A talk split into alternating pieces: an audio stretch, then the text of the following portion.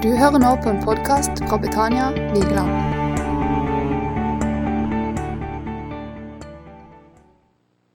Eh, Jeg føler jeg har allerede fått en andakt. Eh, Men så skal jeg få lov til å dele noen ord. Eh, Overskrifta er 'Et liv med takknemlighetens blikk'.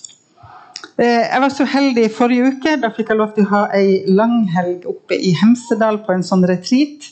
En sånn stille retreat. Tenk at jeg klarte å være stille nesten ei hel helg. Eh, og så når vi kom opp der, så sier de ja, temaet for denne helga er takknemlighet. Og så var jeg ute og kjørte om dagen, og så hørte jeg på Radio 316. Og så det, kommer det inn et lite sånn innslag, og så sier eh, en at det er noe sånt som at eh, Ja, vet dere det? At takknemlighet det er så viktig for helsa di. Så tenkte jeg Gud, jeg tror du vil si oss noen ting om takknemlighet og ufattelig viktig det er. Eh, og så tenker jeg at Det er så viktig å si at eh, takknemlighet og det å leve i takknemlighet altså, Det skal liksom ikke brukes bare som lettvint løsning eller sånn quick fix i møte med mennesker som virkelig, virkelig har det vondt og vanskelig. Altså, vi skal ha så respekt for at det er mennesker som kommer i situasjoner, og det kan være mennesker som er eh, syke, ikke bare fysisk, men også psykisk. Og da er ikke det sånn at, ja, men det er bare, det er bare, ikke sant, det er bare. Og jeg er så lei av når folk bare slenger på bare foran alt. Det var bare å be, og det er bare. For når man har vært i det mørke, så er det ikke bare. Men så er det sånn at det er noen sånne bibelske prinsipper. Gud har gitt oss noen eh, nesten sånne kjøreregler i denne fantastiske boka. Som er sånne god livsvisdom og sånne gode leveregler i livet vårt. Eh, jeg tenker sånn at sant, Når vi kjøper ting og tang, så følger det nesten alltid med bruksanvisning. Det følger med en sånn manual. Og jo mer komplisert og avansert den tingen vi kjøper er, altså jo mer litt sånn lang er jo denne bruksanvisninga òg. Og det er litt nøye at vi følger den for at det skal funke som, som beskrivelsen sier. Og Gud, vår far, han som har skapt oss, han vet åssen vi fungerer. Han vet åssen vi fungerer fysisk og åndelig og sjelelig. Og Bibelen er jo på mange måter en sånn håndbok for livet. Det er jo ei, som en sånn bruksanvisning for et godt liv. Åssen forholdet mellom meg og Gud kan se ut, åssen forholdet til meg sjøl kan se ut, og forholdet til de rundt meg. Og Bibelen oppmuntrer oss til sant, å leve etter noen sånne prinsipper. Noen av de prinsippene er f.eks. det med å tilgi, gavmildhet, tro og takknemlighet. Og Det handler jo ikke om at Gud vil gjøre det vanskelig for oss. Det handler om at å følge de prinsippene, det er til det beste for oss. Gud vet at det er godt for oss. Og så er det ikke bare godt for meg å leve etter de prinsippene, men det er faktisk godt for mine medmennesker òg når jeg lever etter de prinsippene. Og istedenfor at vi ofte blir sånn her Å, ikke sant, det er et krav, og den der Så kan vi se på det som at det er en mulighet. Det er faktisk en mulighet, det er et tilbud. Eh, Det er ikke for Guds skyld, men han sier det er for din skyld. Det er for din skyld at jeg har gitt deg de her kjørereglene i livet. Men vi er litt sånn her Å, må jeg? Må jeg det? Må jeg tilgi? Sant? Må jeg gi? Og så Nei, vet du hva, du får lov til det. Fordi at det følger sånn en velsignelse med å leve etter de bibelske prinsippene.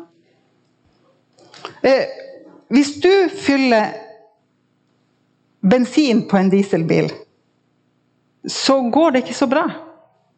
Fordi at den motoren da tåler bensin dårlig. Den må ha diesel for at det skal gå smooth. Du kan ødelegge noe inni den. Den fungerer ikke optimalt hvis du fyller bensin på en dieselbil. Og hvis vi lever med sånne vonde ting, og hvis vi bare holder fast på bitterhet og utilgivelse, hat og sinne, så kan det se så fint ut på utsida. Ikke sant? Det er jo ingen som ser det. Men så ødelegger det noe inni oss. Når den bitre rota får ta tak i hjertet vårt, så ødelegger det noe inni oss. Men det er jo ingen som kan se på en bil at 'oi, shit, jeg fylte jeg bensin på den fine bilen'. Men når du starter den og skal bruke den, så går det ikke så bra. Og vi kan gå rundt her og skinne, ikke sant? komme på møte, også polert, og passe på familien. Alt skal se så fint ut. Men så kan vi ha det vondt på innsida. Og det er det kanskje ingen som ser. Men så er det så godt at Gud har gitt oss noen gode råd. Han har gitt oss en veiviser for liv. Elin i det første adventsmøtet hun snakka om noen sånne positive ting som kan komme gjennom takknemlighet. Og Takknemlighet det, det virker innpå oss, både fysisk og psykisk. Det skaper gode prosesser. Dere har sikkert mange har hørt om endorfiner og sånn, men altså, det skaper gode prosesser i kroppen vår. Og Vi burde bare gå hjem alle sammen og google takknemlighet, for det kommer altså opp så mye bra. Det står folk som vanligvis er takknemlige, de er lykkeligere enn de som vanligvis er utakknemlige. De kan være mindre deprimert, mer tilfreds med livet. De godtar seg sjøl i større grad. Og ikke det, det er noe vi trenger å bringe til ungdomsgenerasjonen vår, som, som snart ikke klarer å leve med seg sjøl fordi kravene er så store. De opplever i større grad at livet er meningsfylt hvis vi lever etter takknemlighet. Takknemlige mennesker er mer sjenerøse. Og takknemlighet kan redusere angst og depresjon, misunnelse og stress. Kan lindre fysisk smerte. Tenk til og med det. For vi er jo en helhet. Vi er ånd, sjel og kropp. Og vi har vel alle hørt om psykosomatiske sykdommer. At sykdommer som egentlig sitter i altså Det psykiske det slår ut i kroppen. Vi har vel å, alle opplevd å gå sånn, og så opplever vi vi får nakkesmerte og hodepine. Takknemlighet kan senke blodtrykket og forbedre immunforsvaret. Jeg bare tenk, tenk hvordan vi er skrudd sammen! Tenk hvordan vår himmelske pappa har skapt oss. Og som sagt så har han ikke bare liksom Ja, det her skal jo være en hemmelighet, jeg holder for meg sjøl. Men han har gitt oss Bibelen, sitt ord. Og som sagt, det er jo ikke for hans skyld. Er, det er for vår skyld. Han vil at vi skal ha det godt. Det står vel i et av disse brevene at er det Paulus som sier det. 'Jeg vil at du skal ha det godt', skriver han i et brev til en. Så han på alle måter.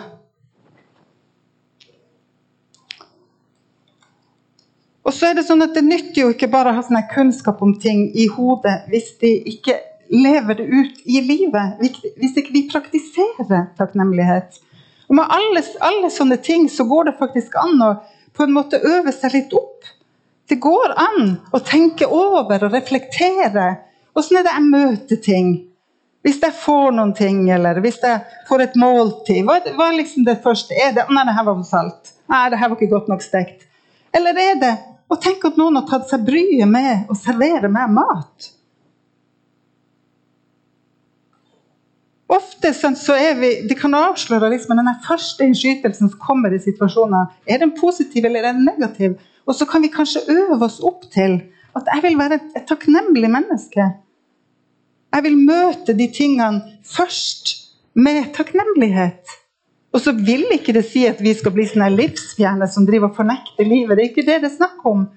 Men det er snakk om en sånn grunnholdning i livet. For takknemlighet er en livsinnstilling. Det er en holdning. Og det handler om bevisste valg som vi må ta. Eh, det handler om at det kan være en sånn grunntone i livet vårt.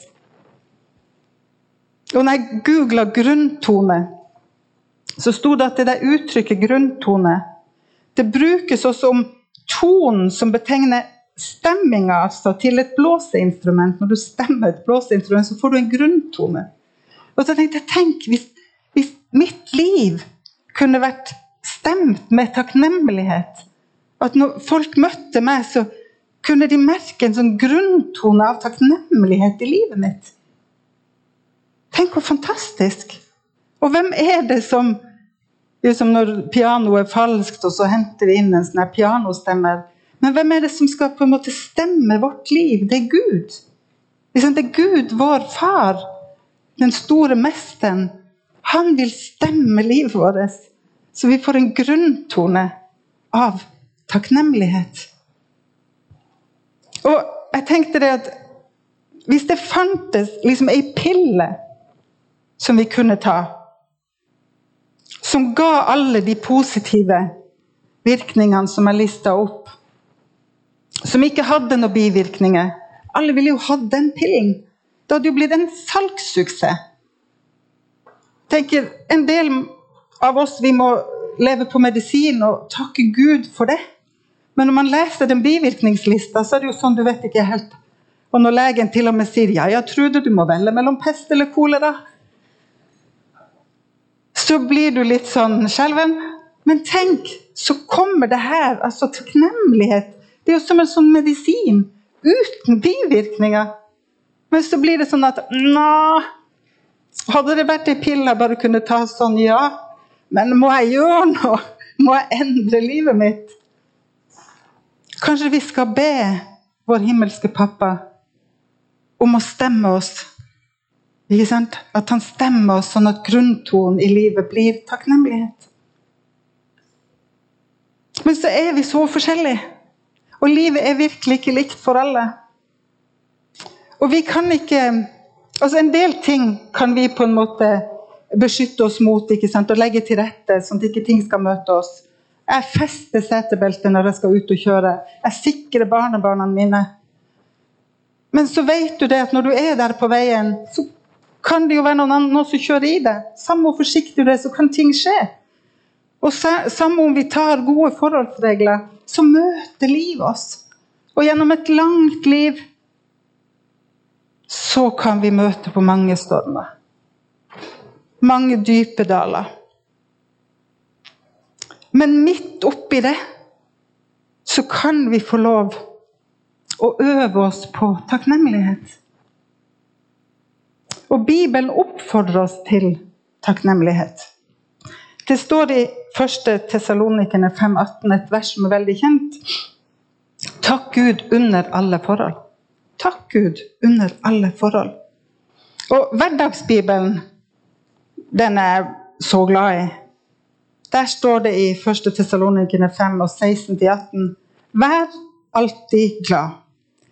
Be hele tiden og takk Gud uansett hva som møter dere. For Gud vil at de som lever for Jesus, skal preges av takknemlighet. Og det er jo ikke sånn at Gud sender vonde ting. Men livet møter oss med vonde ting. Og så kan vi allikevel i det få lov å være prega av takknemlighet. Og hvem er det som liksom tjener på at vi er takknemlige? Det er jo vi sjøl. Det er jo meg som vinner på at jeg møter livet med takknemlighet. Og når utfordringene kommer, om det rammer oss sjøl eller det rammer noen vi er glad i, så er det så lett å bli overmanna. Det er naturlig, det er menneskelig. Og det er så lett å liksom gå seg bort sant, i sitt eget hode. Det kan bli så mørkt. Og du kan kjenne at du bare ikke sant, Du kommer ikke videre. Du bare Ja, rett og slett det har jeg kjent det der. Åssen jeg har gått meg vill i mitt eget hode, i mine egne tanker, i mitt eget mørke. Og så lar en seg styre av negative følelser. Og jeg skal ikke legge skjul at for min del så har det vært veldig mye sjølmedlidenhet. Det har blitt 'stakkars meg'. Og urettferdig. Meg som har gjort sånn, meg som har sånn, meg som har Se på meg nå, Gud, her sitter jeg. Stakkars meg. Og så er ikke sjølmedlidenhet og forbrytelse, det. Og jeg vet at jeg sitter like trygt hos Gud, min far, min himmelske pappa. Men det er så utrolig lite fruktbart. Det er ikke noe fruktbart. Og løsninga ligger aldri å se innover. Løsninga ligger i å løfte blikket oppover. Og se opp på Han. Det er der løsninga ligger. Se opp på Jesus, på Gud. Se opp på alt det fantastiske som står her, som Gud har beredt for oss. Vi får lov til å se opp til Gud som sier at 'jeg er med deg gjennom alt'. Og han sier at han er mektig til å vende alle ting til det gode. Tenk at sånn en Gud har vi. At samme hva vondt som møter oss, så har han lovt, vet du hva? Jeg er med deg gjennom det, og jeg skal vende det til det gode. I Romene 8, 28 så står det at vi vet at alle ting tjener til det gode for dem som elsker Gud. Det er knallsterke vers. For når vi står der med begge beina ikke sant, i mørket, når vi opplever det der ja, Man vandrer i dødsskyggens dal, og man kan ikke se noe mening. Du kan ikke se noe. ikke sant? Hva skal det her være godt for? Og så til og med i det så kan Gud vende det til noe godt. Og så trenger vi hverandre. Vi trenger at noen kommer inn i vårt mørke og hjelper oss å snu tanke, snu sinn. Og så har jeg tenkt så mye, Det er så godt å vite det, at vet du hva, mørket det er bare fravær av lys. Har du tenkt på det? Det er ingen som kan komme inn her og si 'nå skrur jeg på mørket'. Det går ikke an. Mørket er kun fravær av lys. Og lyset er alltid sterkere enn mørket. Når det er mørkt, så kan du skru på lyset. Men når det er lyst, så kan ikke du skru på mørket. Du må fjerne lyset. Og vi trenger å være sånne lysbærere for hverandre. Som med liksom respekt og forståelse kommer inn i livene til hverandre. Kommer inn på det mørke stedet. Og bringer håp og bringer lys. Og det går an. ikke sant? I de mest håpløse situasjoner så kan man få lov å bringe håp og lys. Hvorfor? For vårt endelige håp er ikke knytta til det som er her. Sånn, vårt håp er knytta til det som er der oppe. Og det er det som kristne gjennom alle generasjoner har levd og dødd på. Det er det håpet. Om at sant, det livet her Det er ikke her vi skal være. Vi er bare på gjennomfart. Vi er på gjennomreise. Men vi skal hjem. Vi skal hjem til Gud, vi skal hjem til vår far, vi skal hjem til pappa. Og vi trenger mennesker som møter oss, og som ikke kommer og liksom bare er med og graver oss dypere ned. For det kan vi av og til gjøre utilsikta. Hvor vi er så forståelsesfulle og bare ikke sant, så vi er med og bare går ned. Men det er så nydelig å ha vært i samtale med mennesker, og du har fått lov å øse ut i hjertet. Og så har du fått sant, god omsorg, gode tilbakemeldinger, god hjelp. Og så kan jeg gå derifra og bare kjenne at wow, det er håp. Det er jo håp. Og da blir en takknemlig. Og det er noen sånne forbilder. Og det er ei som jeg har nevnt flere ganger når jeg har talt, og det er ei som heter Corrie Ten Bom, som er veldig kjent. Fordi at hun er bare et eksempel, hun og søstera, på det her med tilgivelse og takknemlighet. Eh, for de som ikke kjenner den familien, så var de en familie i Nederland som hjalp jøder. Og skjulte de, og så ble de arrestert, og hele familien havnet i konsentrasjonsleir. Og Corrie og søstera havnet sammen i en eh, konsentrasjonsleir. Og så klarer de å smugle inn en bibel, og på brakka der så begynner de å dele med disse damene. Og de deler håp og de deler lys, ikke sant? og de, liksom, de, de fører deg til Jesus. Men, men så er jo de så fortvila, og Kåre jo er så fortvila. Og søster sier men vi må takke. Nei, det er ingenting å takke for. Her sitter vi i ei brakke full av lopper. Vi kan ikke takke. Og Betzy sier det, jo, men Bibelen sier under alle forhold så kan vi takke. Og så begynner de å tenke ja, vi har jo faktisk vi har hverandre. Det kan vi takke for. Vi har Guds ord. Vi klarte å smugle inn Bibelen. Det kan vi takke for. Og så kjenner Betzy liksom at ja, vi skal takke for de loppene og denne brakka. Og Kåre bare nei, det er umulig. Men de gjør det. Og etter en stund så kommer denne uh, søstera Betzy og sier vet du, nå vet jeg hvorfor vi skulle til og med takke for de loppene. For de hadde hun hørt i en samtale at disse fang fangevokterne de holdt seg unna den brakka, for det var så mye lopper der. Og så fikk de en større frihet midt der i denne loppebefengte brakka til å dele Guds ord og til å ha en liten grad av trygghet. Og det ble bare sånn Wow! Tenk for et perspektiv! Og Paulus og Silas i fengsel, i Apostelens gjerninger 1625, så står det det at alle de andre fangene kunne høre hvordan de sang og lovpriste Gud. Der sitter de i fengsel, og de har fått bank, og de lovpriser Gud. Og det står at lovprisning det betyr altså følelsesladet opphøyelse av Gud som uttrykk for takknemlighet for livet eller tilværelsen. Tenk, der sitter i et fangehull, og så det var ikke sånn som Mandal fengsel. Det var et forferdelig sted. Og så lovpriser de Gud. Følelsesladd. Og så vet vi jo hva som er følgene av det. da. At fangevokteren og hele hans hus blir frelst. Og så si, det ultimate forbildet Jesus. I Lukas 22 fra 17 til 19 så står det der hvordan han innstifter nattverden. At han bryter brødet, og så takker han. Og han vet jo at det brødet jeg nå bryter, det er min kropp. Det er min kropp som skal brytes. Og så takker han. Og det er jo ikke sånn ikke sant? Han takker for at han fikk lov altså jo på en måte takker han jo for det da, Men vi vet jo at i hagen så kjempa jo han, for han sa 'Kan det gå meg forbi?' La det gå meg forbi. Men ikke min vilje, din vilje. Men han takka fordi han visste at når min kropp blir brutt, når jeg blir korsfesta, så skal jeg stå opp igjen, og da har jeg seira over døden. Da har jeg seira over djevelens makt. Da har jeg satt menneskene i frihet. Det visste han da han brøyt brødet der. Og disiplene forsto jo ikke det da.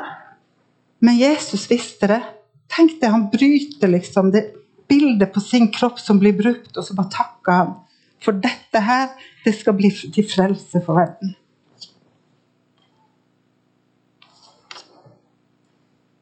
Som sagt så ønsker jo ikke Gud oss noe vondt. Men livet fører med seg utfordringer. Men så er det hva fokuserer vi på? Hva gir vi oppmerksomhet? Hvilke valg tar vi? Å øve seg i det her Det er en utfordring. Men da tenker jeg at så godt hvis vi kan ha noen å gjøre det sammen med, noen som kjenner oss, og som vi kan være ærlige med, som ikke fordømmer oss. Jeg synes det, det der å ha sånne medvandrere, jeg syns det ordet er så nydelig. Og heldig er den som har medvandrere. Men jeg tror det er mange i menighet som faktisk er ensomme, og som ikke har medvandrere. Som kommer på sånne arrangement. ikke sant? Gudstjeneste klokka 11, ser i ryggen på folk ser fin og ser flott ut. Så går man hjem, og så er man ensom i sitt mørke. Og så har en ingen som er en medvandrer. Og så tenker jeg Det går begge veiene, at vi både våger å vise oss sårbare og si 'Jeg trenger deg', men også være tilgjengelig når noen inviterer til samtale. inviterer til å liksom Av og til så hiver man jo ut noen sånne agn, og så håper man noen skal skjønne det. Og ta, ikke sant, komme deg i møte. Jeg har før fortalt om hun dama som gikk fram til forbønn. Hun sa jeg er så ensom, jeg er så alene. Og ja, vi skal be for deg. Og ja, vi ber for deg. Så gikk det en stund, kommer hun igjen, hjem igjen, eller til forbønn igjen. Jeg er bare så ensom, jeg er så alene. Ja, det skal vi be for. Den dama hadde trengt et besøk. Må ikke bønn bare bli en sånn lettvint eh, løsning for at vi skal slippe å involvere oss i mennesker sine liv på ekte? I Salme 103 så står det Min sjel, lov Herren. Alt som i meg er, lov Hans hellige navn. Min sjel, lov Herren. Glem ikke alt det gode Han har gjort. La oss fokusere på det. Alt det gode Han har gjort. Så da midt i ting som kan møte oss, som kan være så vanskelig, så kan vi fokusere på hva Han har gjort for oss. Fordi Nehemja 8,10 sier at gleden i Herren er vår styrke. Gleden i Herren er vår styrke. Og glede og takknemlighet de går hånd i hånd. Så når vi blir takknemlige, så jeg kjenner i hvert fall at når jeg blir takknemlig, så blir jeg glad. Da blir jeg glad. Da kjenner jeg meg sterkere. Istedenfor å liksom ha vært nede i mørket. Når man plutselig ser å, jeg har jo noe å være takknemlig for. Jeg har jo sånn og sånn og sånn. Løfter blikket. Og så blir jeg glad, og da blir jeg sterkere.